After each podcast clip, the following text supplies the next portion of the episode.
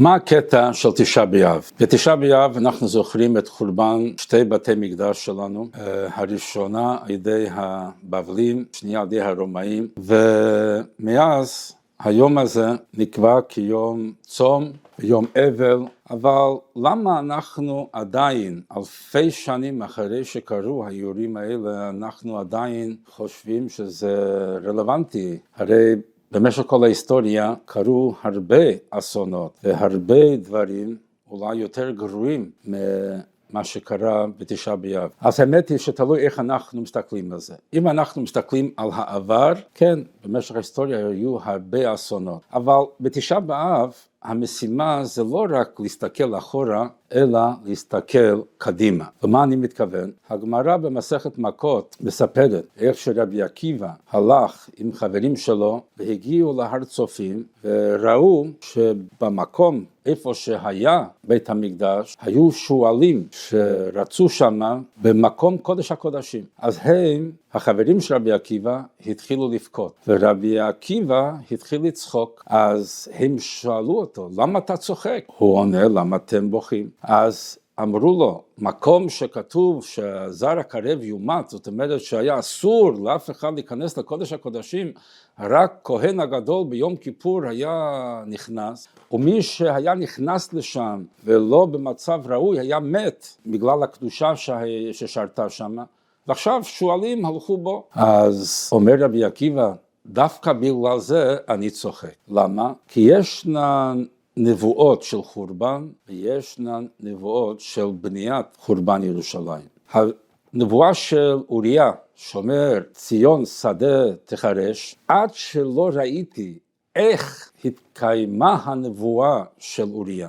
ורואים איך שזה התקיים במקסימום, שועלים יוצאים מבית קודש הקודשים, הכל נחרב, אבסולוט. עכשיו אני יכול להבין שהנבואות של זכריה עוד ישבו זקנים וזקנות ברחובות ירושלים, גם כן יתקיים לא רק במישור רוחני, אלא בצורה ממשית.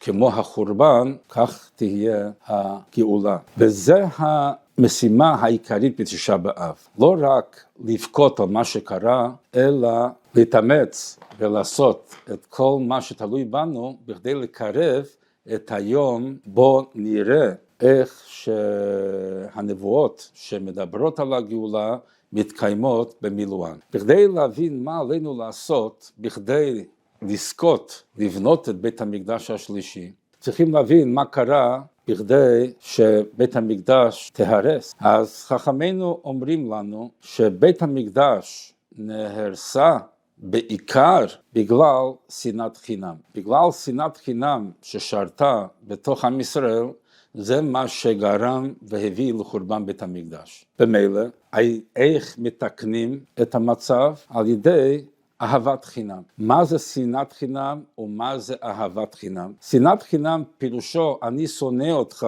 לא בגלל שעשית לי משהו רע, אלא בגלל שאתה קיים. ואולי דווקא בגלל שאתה עשית לי טובה, עכשיו אני לא סובל אותך, כי אני... אה, ככה, זה שנאת חינם.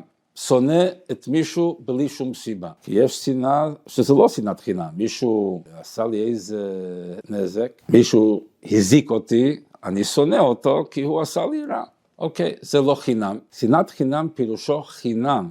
אני שונא בן אדם רק בגלל שהוא קיים וקיומו עושה לי לא נעים ואני שונא אותו. זה מה שהביא לחורבן בית המקדש. הגמרא מספרת לנו כל הסיפור של קמצא ובר קמצא, שזה היה מה שהביא לחורבן בית המקדש, שהיה בן אדם שהיה לו חבר שקראו לו קמצא, והיה לו שונא, קראו לו בר קמצא, ויום אחד הבן אדם הזה עשה חתונה ושלח הזמנה לידידו, וזה שהביא את ההזמנה בטעות נתן את זה לשונא שלו. השונא שלו מגיע לחתונה ובא לשמחה, אומר לו מה אתה עושה פה? אומר קיבלתי הזמנה, אומר היה טעות, צא מפה. אומר תשמע, באתי בטעות אל תזרוק אותי. אני אשלם עבור האוכל שאני אוכל. בעל השמחה אומר לו, תצא מכאן. הוא אומר, אני אשלם עבור חצי המסיבה, אני אשלם. הוא אומר, צא מכאן.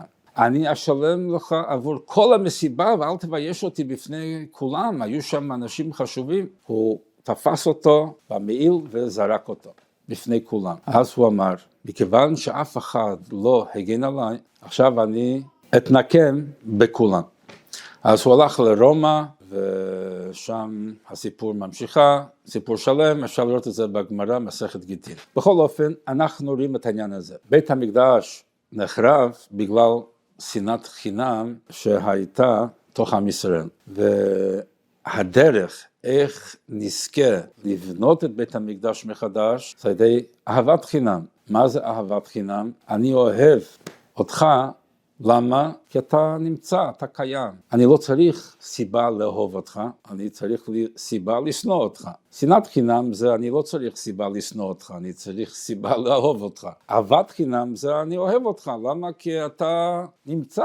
אם אין לי סיבה טובה לשנוא אותך, הדיפולט זה אהבה, זה אהבת חינם. אם נצליח אה, להשכין בינינו אהבת חינם, אז כמו שאומרים חכמינו, בטלה סיבה בטל מסובב, אם סיבת החורבן זה שנאת חינם, אם נבטל את הסיבה על ידי אהבת חינם, בדרך ממילא נזכה לראות ותחזינה עינינו בשובך לציון ברחמים ונראה מחדש את בית המקדש השלישי. אז המשימה של תשעה באב זה לא רק לזכור את האסונות מהעבר, אלא זה להתחזק ולעשות מה שתלוי בנו בכדי להגיע לראות מחדש את בית המקדש השלישי. יש סיפור שמספרים, אבל לא מצאתי עדיין מקור יהודי לזה, ואני מספר את זה כי אולי אחד מהצופים יוכל uh, לעזור לי למצוא את המקור היהודי, שלמה בית המקדש נבנה